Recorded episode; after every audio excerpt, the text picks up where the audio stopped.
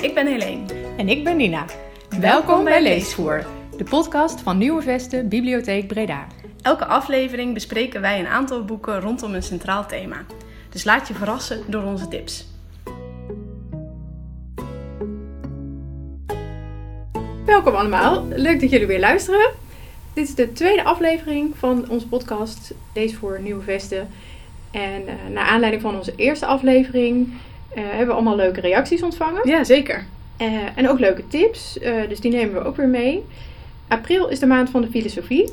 En in die maand worden allerlei activiteiten georganiseerd in Nederland en in Vlaanderen. En er wordt ook een filosofisch essay uitgebracht en een filosofisch kinderboek.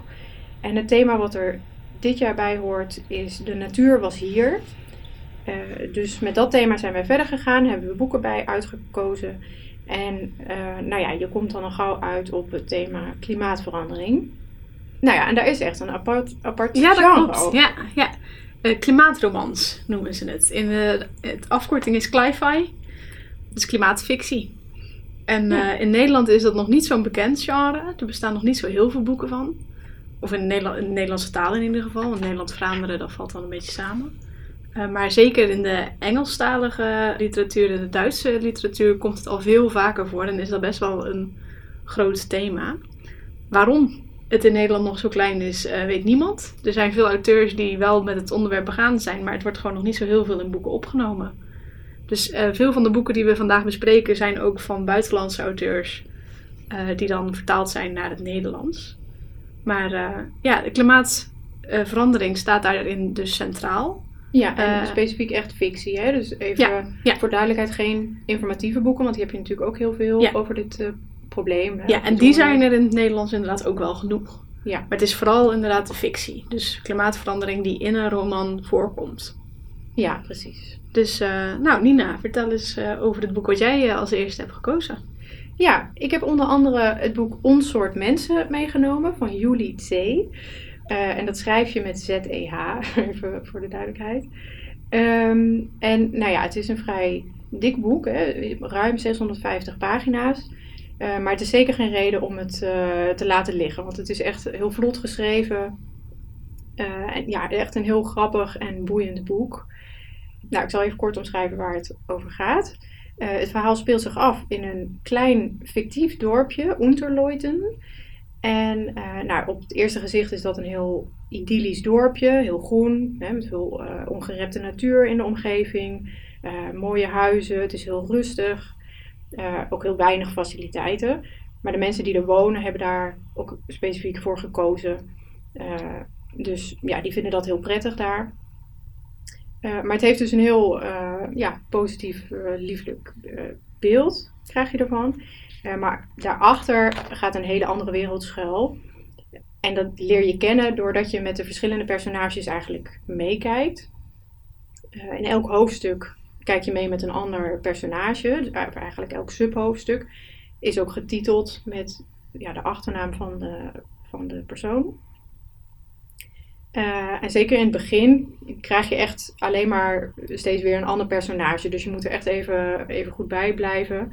Even opletten. Uh, dus ik weet niet of jij dat wel eens hebt, maar dan ben je in meerdere boeken tegelijk bezig. Ja. Dat is hierbij niet zo handig. Nee, dan ben je, je de data kwijt. Ja, precies. Ja, je moet echt even erbij blijven. En op een gegeven moment krijg je ook wel weer personages die terugkomen. Dus ja, soms zit je dan nog steeds wel even van hoe zat het ook alweer. Of het is de dochter van een personage dat eerder uh, aan bod is gekomen, bijvoorbeeld. Um, maar goed, op een gegeven moment leer je ze echt wel kennen. En ze worden ook heel gedetailleerd omschreven, dus hun leven en hun achtergrond. Ja, het is echt een soort soapserie. Doordat je dus mm -hmm. die gebeurtenissen in het dorp meekrijgt vanuit die verschillende perspectieven eigenlijk. En hoe komt het thema klimaatverandering hier dan in voor? Ja, goede vraag.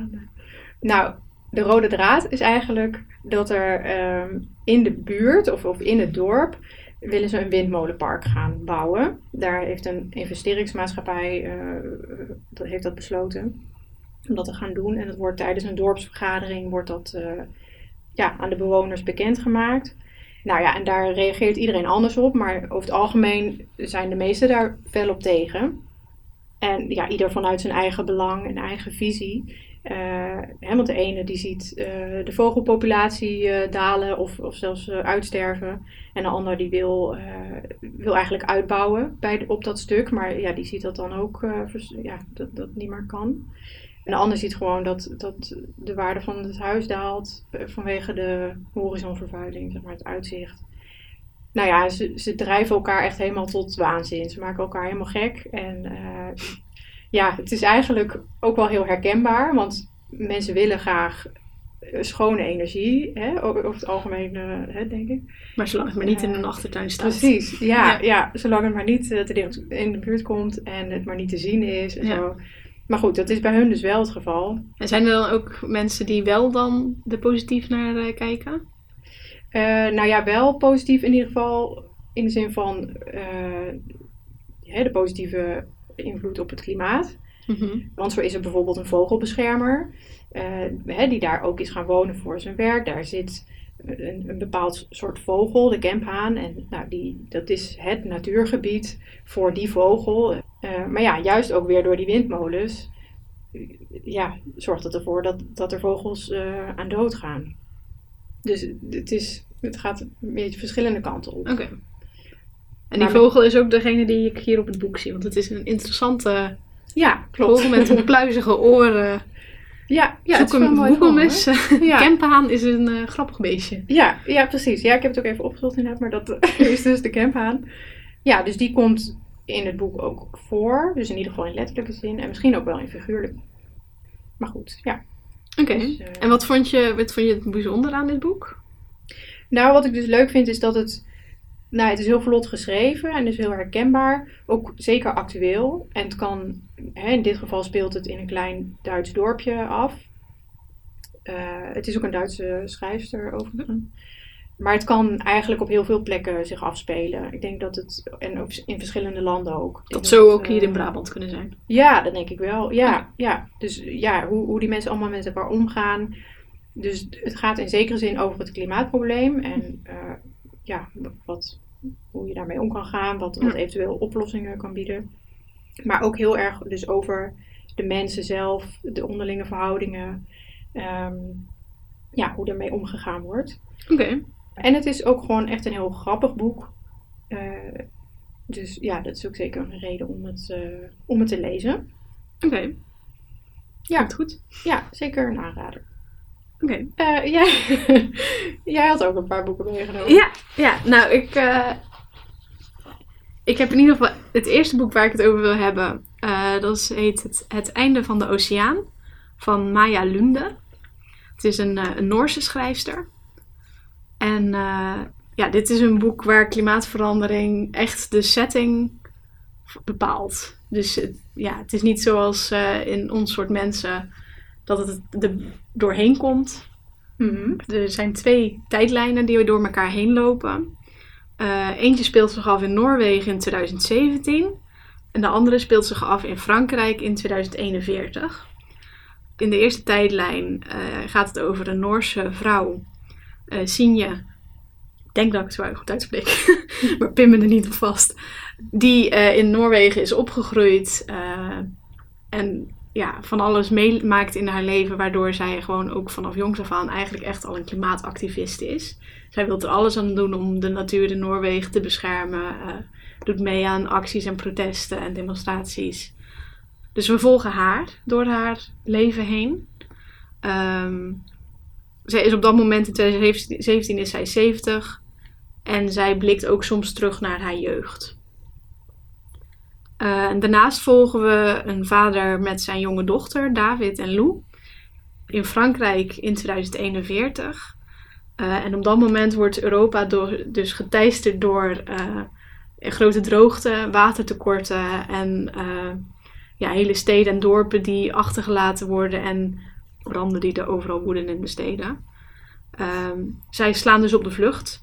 Uh, en tijdens het vluchten raken zij gescheiden van uh, Davids vrouw en zijn zoontje. En, en, komen ze uiteindelijk in een vluchtelingenkamp terecht, waar zijn vrouw heel graag al heen wilde gaan. Ja, je volgt hun, ja, hun dus echt op de voet.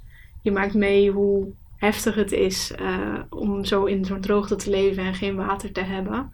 hij beschrijft ze, ze beschrijft ook heel goed de omgeving. Dat je echt bijna het stof kan proeven, bij wijze van spreken. Uh, en op een gegeven moment raken die twee verhalen een klein beetje met elkaar verweven. Want Sinje, de Noorse vrouw, die heeft een zeilboot.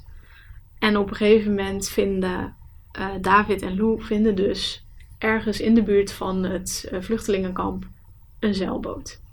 Het, is, ja, het is een heel bijzonder boek. Ja, want die twee verhaallijnen hebben niet per se met elkaar te maken. In die zin, het zijn geen familie van elkaar. Nee, of, nee, nee ze, ze hebben geen relatie tot elkaar. alleen die zeilboot is, is de connectie tussen de twee, twee lijnen. Ja.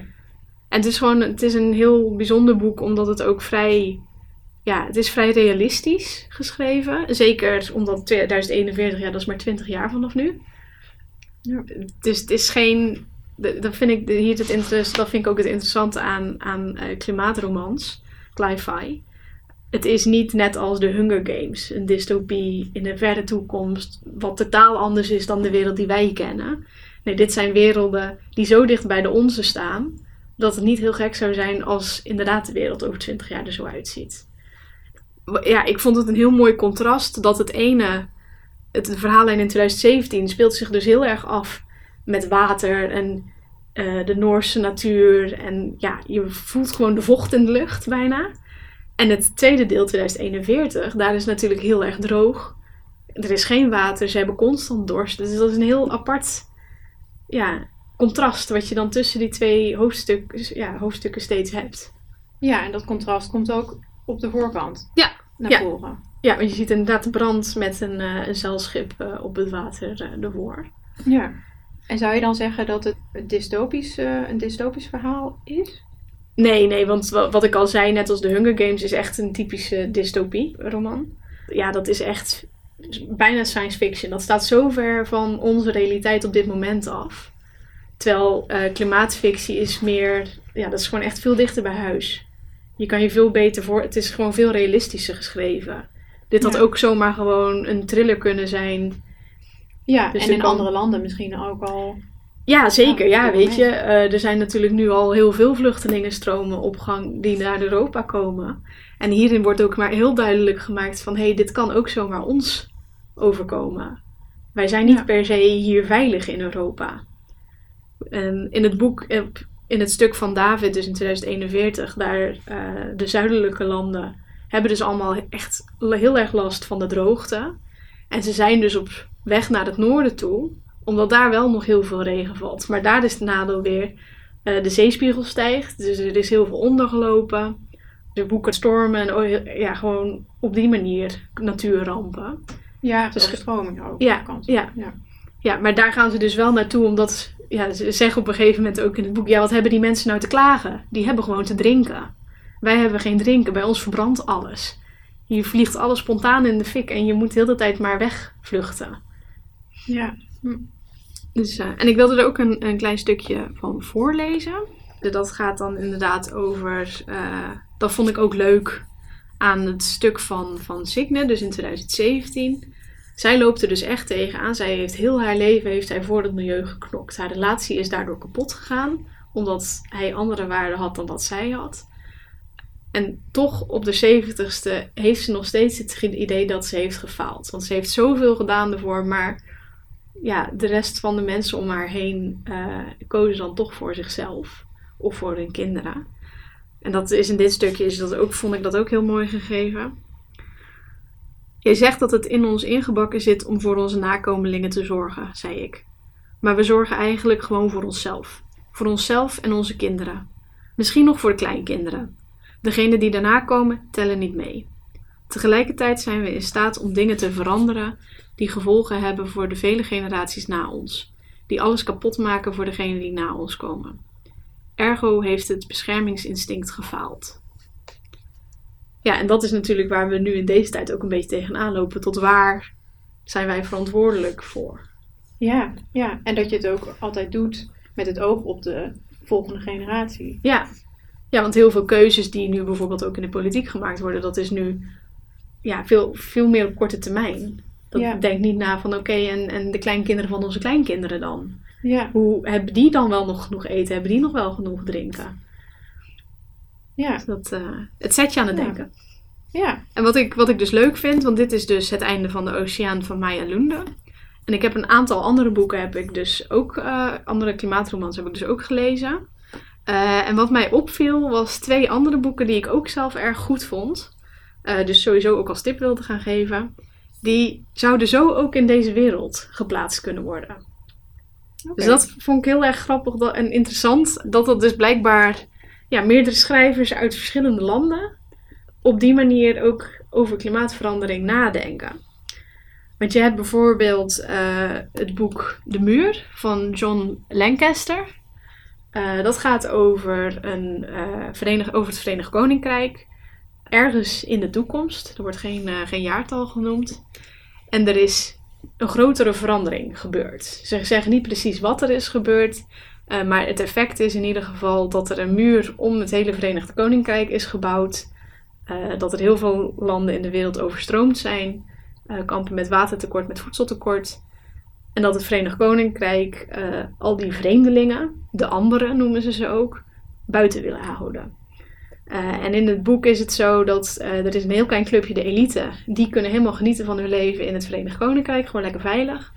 Eh, maar iedereen die niet tot de elite behoort, die is verplicht als ze jong zijn, als ze tiener zijn of net volwassen, om twee jaar lang op die muur, die muur te bewaken. En die muur wordt dus dag en nacht bewaakt.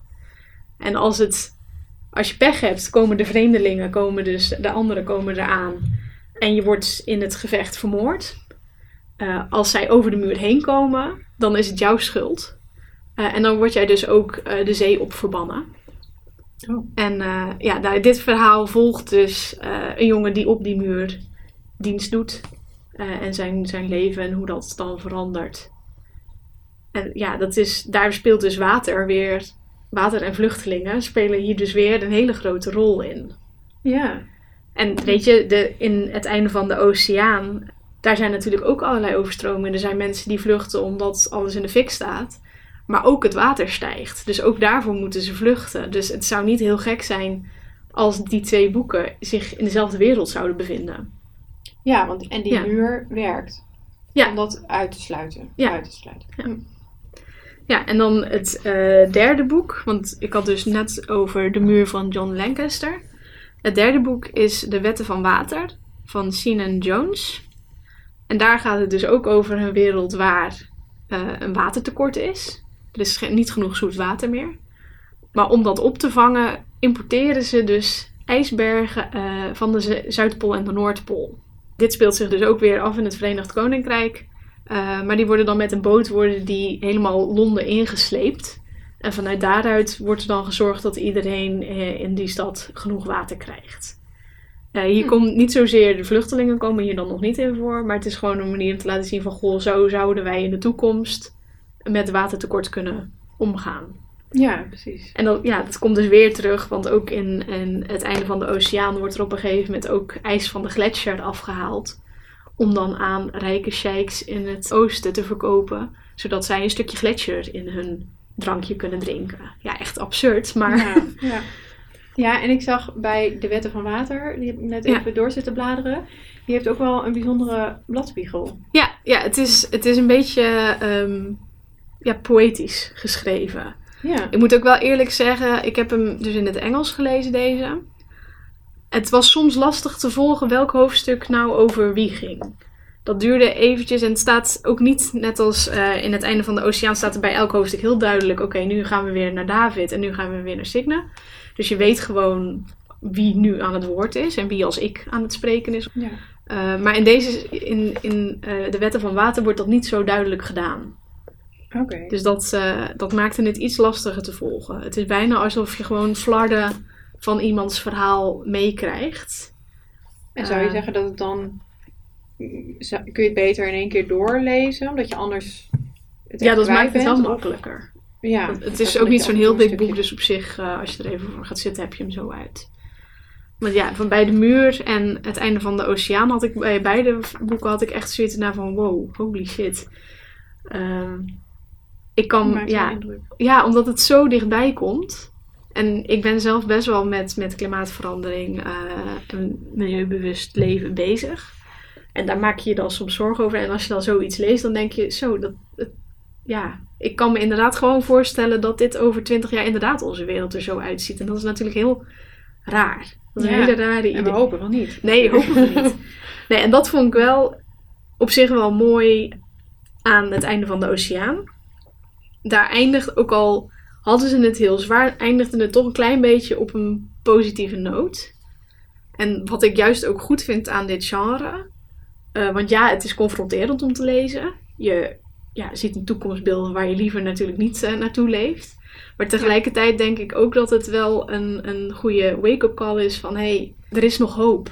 We kunnen, we kunnen dit nog met z'n allen veranderen. We kunnen nog voor een wereld gaan die hier niet op lijkt. En we kunnen nog voorkomen dat, dat we met z'n allen uh, klimaatvluchteling worden. Ja, dus het is wel hoopvol ook geschreven nog. Want het, is, het kan natuurlijk heel neerslachtig zijn juist. Of heel... Uh, nee, dat viel ja, dan gelukkig wel mee. Want je, je, ook gewoon, je ziet gewoon die mensen... Weet je, mensen zijn gemaakt om te overleven. En dat, dat zie je ook terug in, in zowel het einde van de oceaan als de muur. Ze gaan gewoon door. En hoeveel tegenslagen ze ook hebben, uit, ja, ze proberen altijd gewoon een manier te vinden om toch nog te overleven. En toch nog het plezier en het genot uit de kleine dingetjes te halen. Dus dat, ja, dat, dat maakt het dan wat luchtiger. Ja, precies. Mooi. Dus, ja, ja ik heb dus uh, drie boeken besproken. Het einde van de oceaan van Maya Lunde. De Wetten van Water van Sinan Jones. En De Muur van John Lancaster. En eigenlijk, ja, dus allemaal bij elkaar ook. Uh, ja, ja, als iemand ze samen zou voegen, zou het zo één, uh, één boek kunnen zijn. Nu één wereld. Nou, ja, ik heb ook nog één boek wat ik wil als tip wil meegeven. Beetje een vrolijke tegenhanger van de andere boeken die we tot nu toe hebben besproken. Namelijk het boek Het Kippencollectief van Susan Juby. En ja, het is eigenlijk een, echt een feel-good boek. Eh, hilarisch. Het gaat over de hoofdpersoon Prudence. En zij gaat haar dromen achterna. Zij woont in New York. En zij erft van een verre oom een verlaten boerderij. Zij is daar nog nooit geweest. Uh, in Canada is dat. En ehm, nou, zij besluit hè, in, een, in een bepaalde fase in haar leven waarop ze denkt van nou, dat, dat moet ik inderdaad nu gaan doen om daar een eco-farm van te maken. Nou, daar aangekomen blijkt het natuurlijk helemaal niet te zijn wat ze had verwacht. Nog veel erger. En ja, er moet gewoon heel veel nog gebeuren. Maar dus ondanks al die tegenslagen gaat ze er met volle moed en enthousiasme gaat ze ermee aan de slag. En in het boek zie je dus Prudence, maar ook nog drie andere personages, namelijk Seth, de ja, beetje sombere alcohol alcoholische buurjongen, Sarah, een elfjarig meisje uit de buurt en die zoekt een plek voor haar showkippen, en Earl, een Norse oude man uit de buurt. nou ja, goed, en dat gezelschap ja, leidt ook gewoon tot hele grappige, bizarre situaties. Ehm, en ze hebben dus ja, met elkaar ook te maken met die tegenslagen, zowel op de boerderij als het bewerken van het land, het gebied van financiën, de dieren. Ehm, maar goed, ze blijven dus positief. En ehm, nou ja, het is echt uh, een grappig, vrolijk, plotgeschreven boek. Oké. En zowel dit boek als het boek Ons soort mensen, wat ik uh, aan het begin uh, vertelde, zijn beide ook in de online bibliotheek Oh, leuk. Ja, leuk. dus als uh, e-book. En van dit boek, het Kippencollectief dus, is ook een deel 2. Dus als je eenmaal verkocht bent, dan kun je daar nog mee verder. Die is ook bij de online bibliotheek te leen. En wat nog grappig is om te vertellen, achterin het boek staan een aantal recepten. Uh, met radijsjes, met name. Dus, maar dat merk je wel. En waarom radijsjes? Ja, dat uh, merk je in het boek. Oké. waarom alleen maar met radijsjes? Maar het zijn verschillende recepten. Dus die krijg je als het ware van Prudence cadeau. Oh, grappig, grappig. Ja. ja. En wat, wat vond je dan het, het leukste aan dit boek? nou ja, het is, het is dus heel luchtig eigenlijk.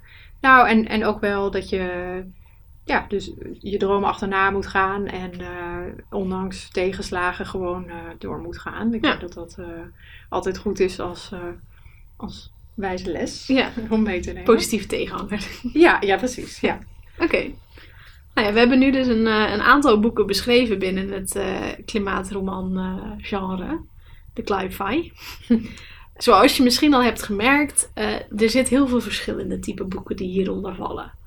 Eh, de voornaamste regel is dat er klimaatverandering, dat dat in het boek voor moet komen.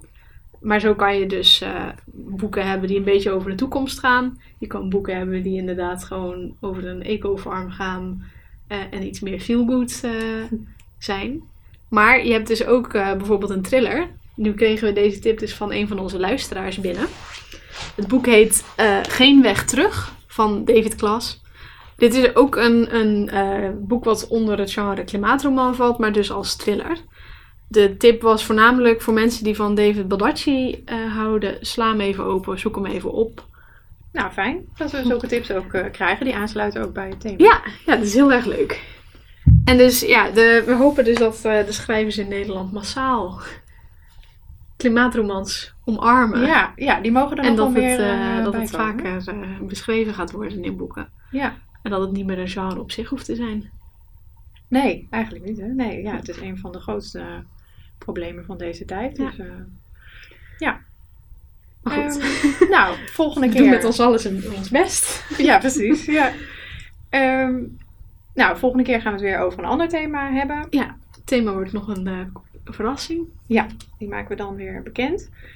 Nou, in ieder geval leuk dat jullie weer hebben geluisterd. Ja. Eh, mocht je vragen hebben of tips, dan kun je die ons mailen naar het e-mailadres leesvoer.nieuwevesten.nl En de podcast terugluisteren kan op ja, diverse kanalen.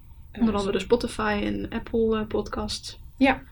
En ook op onze website. En daar vind je ook meer informatie over ons en de afleveringen. En kun je de boeken ook terugvinden. Eh, en dat Ja. is www.bibliotheekbreda.nl. Dan ga je naar speciaal voor en dan naar podcast. Ja, en daar staan eh, bij, voor deze aflevering staan er ook nog een aantal boekentips eh, in een carousel eronder. Onder de aflevering. eh, met tips van boeken die we niet hebben kunnen bespreken. Want er zijn wel iets meer dan wat we nu hebben besproken. Maar Ja. die vind je daar dan terug. Ja. Dus dankjewel en tot de volgende, De volgende keer. keer.